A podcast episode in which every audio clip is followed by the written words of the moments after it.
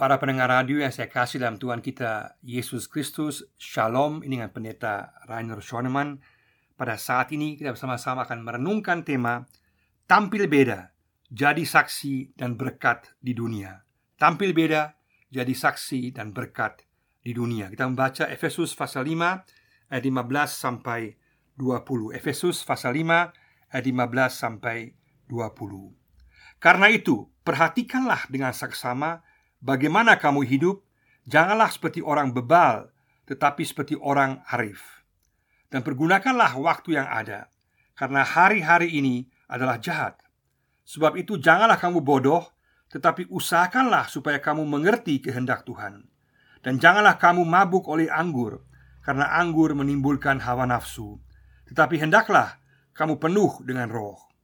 Dan berkata-katalah seorang kepada yang lain dalam Mazmur, kidung puji-pujian, dan nyanyian rohani. Bernyanyi dan bersoraklah bagi Tuhan dengan segenap hati. Ucaplah syukur senantiasa atas segala sesuatu dalam nama Tuhan kita Yesus Kristus kepada Allah dan Bapa kita. Dan rendahkanlah dirimu seorang kepada yang lain di dalam takut akan Kristus. Tampil beda jadi saksi dan berkat di dunia. Surat Efesus merupakan sebuah surat Paulus yang ditulis di masa akhir hidupnya dari penjara yang sungguh-sungguh merangkum pemikirannya, merangkum hal-hal yang penting tentang iman Kristiani secara singkat. Dia menggambarkan dalam pasal 1 sampai pasal 3 Paulus menggambarkan tentang apa yang kita miliki dalam Kristus, tentang status yang kita miliki sebagai anak-anak Allah, sebagai murid-murid Yesus, apa yang kita miliki, kita peroleh dari Kristus, segala berkat yang kita peroleh. Dan pasal 4 saya pasal 6 menggambarkan bagaimana kita dipanggil untuk hidup sesuai sebagai anak Tuhan, sebagai murid-murid Yesus yang sebenarnya di tengah-tengah dunia, baik secara pribadi maupun sebagai jemaat. Dalam teks ini, Paulus menekankan bagaimana kita sebagai warga jemaat, sebagai jemaat keseluruhan, sebagai orang percaya, dipanggil untuk tampil beda, jadi saksi dan berkat di dunia. Kenapa? Karena itulah yang saat ini sungguh-sungguh dibutuhkan di tengah-tengah dunia ini.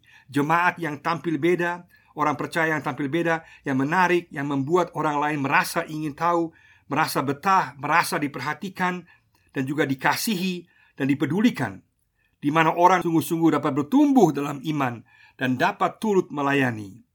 Paulus menasehati jemaat di Efesus untuk tampil beda dan menjadi saksi Tuhan Yesus di tengah lingkungan yang dipenuhi penyembahan berhala dan cara hidup yang bertentangan dengan kehendak Tuhan. Ini juga berlaku untuk kita di masa kini, untuk situasi yang memiliki banyak kesamaan, di mana banyak orang menentang Tuhan, banyak orang mementingkan hal-hal yang bertentangan dengan kehendak Tuhan. Ada lima hal yang Paulus tekankan yang membuat jemaat Tuhan tampil beda dan pasti akan menjadi saksi dan berkat. Saya akan menjelaskannya secara singkat. Yang pertama adalah cara hidup yang arif, yang bijak. Ayat 15 sampai 16. Cara hidup yang arif, yang bijak ayat 15 sampai 16. Paulus tekankan pembeda pertama orang Kristen dengan dunia adalah cara hidup kita yang berorientasi kepada hal-hal yang bernilai kekal dan bukan kepada hal yang fana. Perhatikanlah dengan sesama dan janganlah seperti orang bebal, tetapi seperti orang arif, orang bijak. Artinya bukan sekedar pengetahuan Tetapi secara praktis nyata dalam kehidupan sehari-hari Mengikuti kehendak Tuhan dalam segala tindakan. Juga hidup dengan memperhitungkan kedatangan Tuhan Yesus setiap saat. Itu akan membuat kita menjadi arif dan bijak menggunakan waktu kita. Kita tentu boleh dan harus menikmati pemberian Tuhan Juga secara materi dalam kehidupan ini. Namun demikian, kita juga harus arif dan bijak dan melihat apa yang bernilai kekal dengan sungguh-sungguh menekankan apa yang bernilai kekal dan tidak terjebak dengan hal-hal yang sia-sia. Dengan demikian kita pasti juga akan menggunakan waktu kita dan harta kita dengan arif. Kita akan menggunakan segala sesuatu yang Tuhan telah percayakan kepada kita, semua kemampuan kita dengan arif dan bijaksana di hadapan Tuhan. Mari sama-sama kita membuat keputusan, komitmen kembali katakan sebagai pribadi dan juga sebagai jemaat, kita mau tampil beda dalam cara hidup kita, dalam menggunakan waktu kita, menggunakan semua apa yang Tuhan telah percayakan kepada kita, semua harta kita, semua kemampuan kita, kita menjadi kesaksian dan berkat bagi orang lain.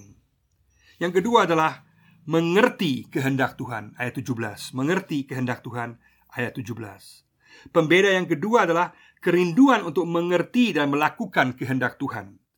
Dan ini sesuatu yang berbeda total dengan dunia sekitar kita.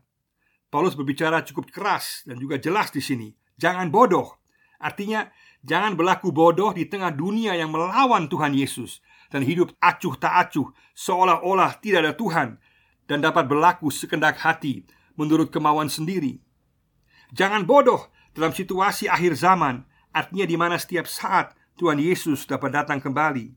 Jadi jemaat Tuhan harus sungguh tampil beda dengan berorientasi kepada kehendak Tuhan. Fokus, arah harus selalu kepada usaha untuk mencari tahu dan mengerti kehendak Tuhan dalam semua bagian kehidupan.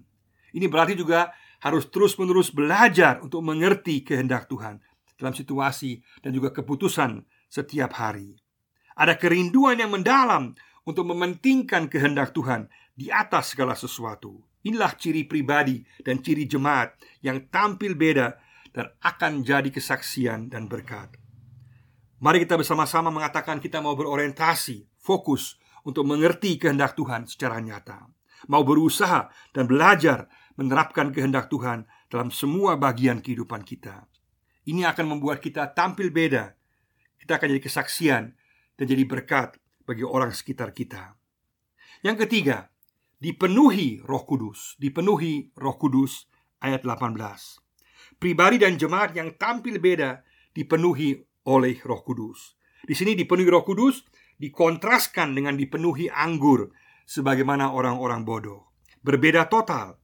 Dipenuhi Roh Kudus berarti memberikan ruang Roh Kudus agar memperbaharui pola pikir kita, perasaan kita dan juga tindakan kita. Jadi setiap kita harus membuka diri dan memberikan ruang yang seluas-luasnya bagi Roh Kudus untuk memperbaharui dan memenuhi seluruh hidup kita, pola pikir kita, karakter kita, sikap kita, tindakan kita, perasaan kita. Dan juga berlaku untuk jemaat secara keseluruhan harus terbuka dan bersedia untuk terus diperbaharui. Dalam Efesus 1 ayat 23 dan Efesus 1 ayat 13, orang percaya dipanggil untuk mencapai pertumbuhan sesuai dengan kepenuhan Yesus Kristus. Sedangkan di Efesus 3 ayat 19 dikatakan agar orang percaya dipenuhi oleh kepenuhan Allah.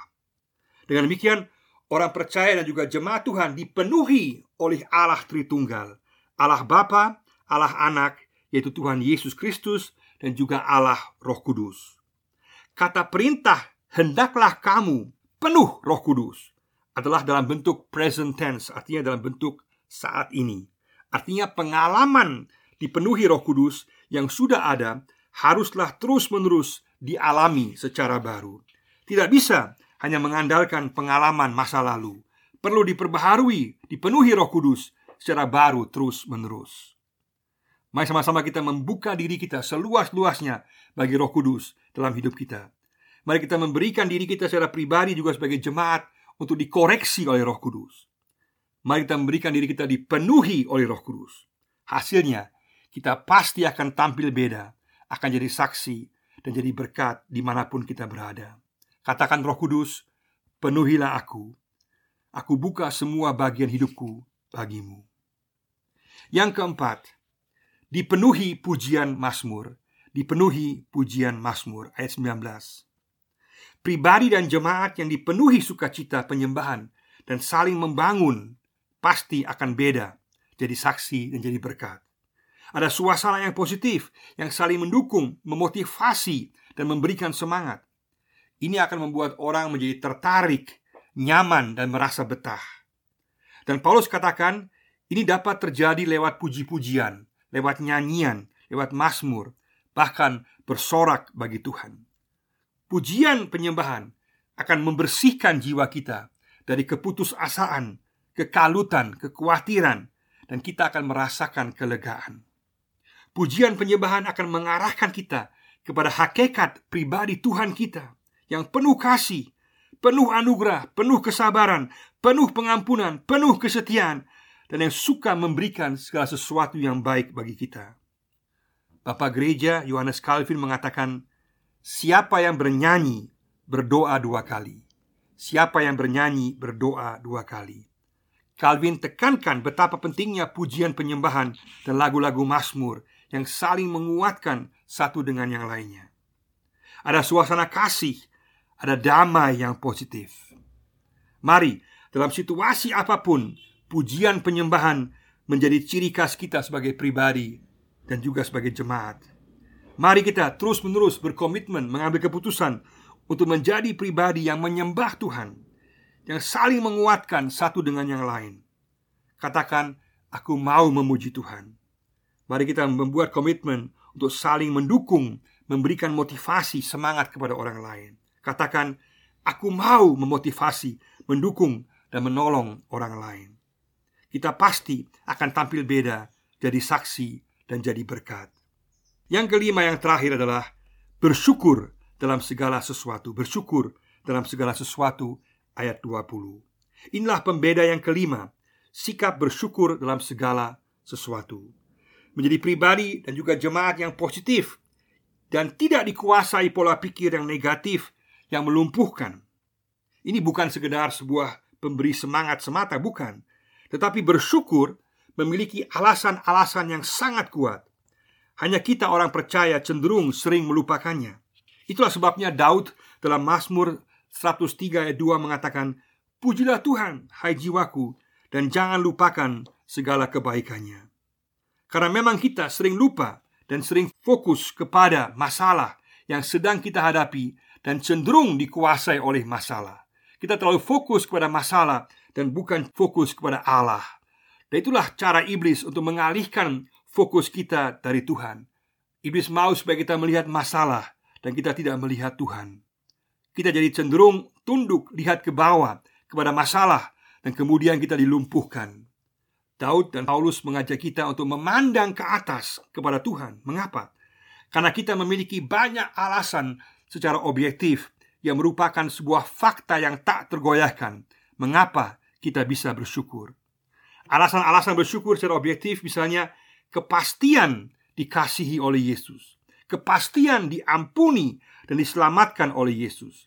Kepastian bahwa nama kita tercatat di sorga. Juga pemberian roh kudus sebagai penolong, pengajar, penasehat, penghibur bagi kehidupan kita. Juga damai sejahtera, sukacita, persekutuan orang percaya yang saling menolong, dan pengharapan kehidupan kekal yang pasti bersama dengan Tuhan Yesus. Semua ini membuat kita bersyukur dan dapat bersorak-sorai memuji Tuhan penuh sukacita. Semua ini adalah fakta-fakta yang tak tergoyahkan atas kehidupan setiap orang yang percaya kepada Tuhan Yesus dalam keadaan situasi apa pun. Tetapi juga ada banyak alasan secara subjektif yang kita miliki. Misalnya dalam kehidupan pribadi dan juga keluarga kita. Saat kita melihat ke belakang dalam kehidupan kita, ada banyak jejak tapak bukti kebaikan penyertaan Tuhan Yesus dalam kehidupan kita. Mari kita mengingatnya kembali dan yang luar biasa, Tuhan Yesus yang sama juga akan menyertai kita dalam masa yang akan datang.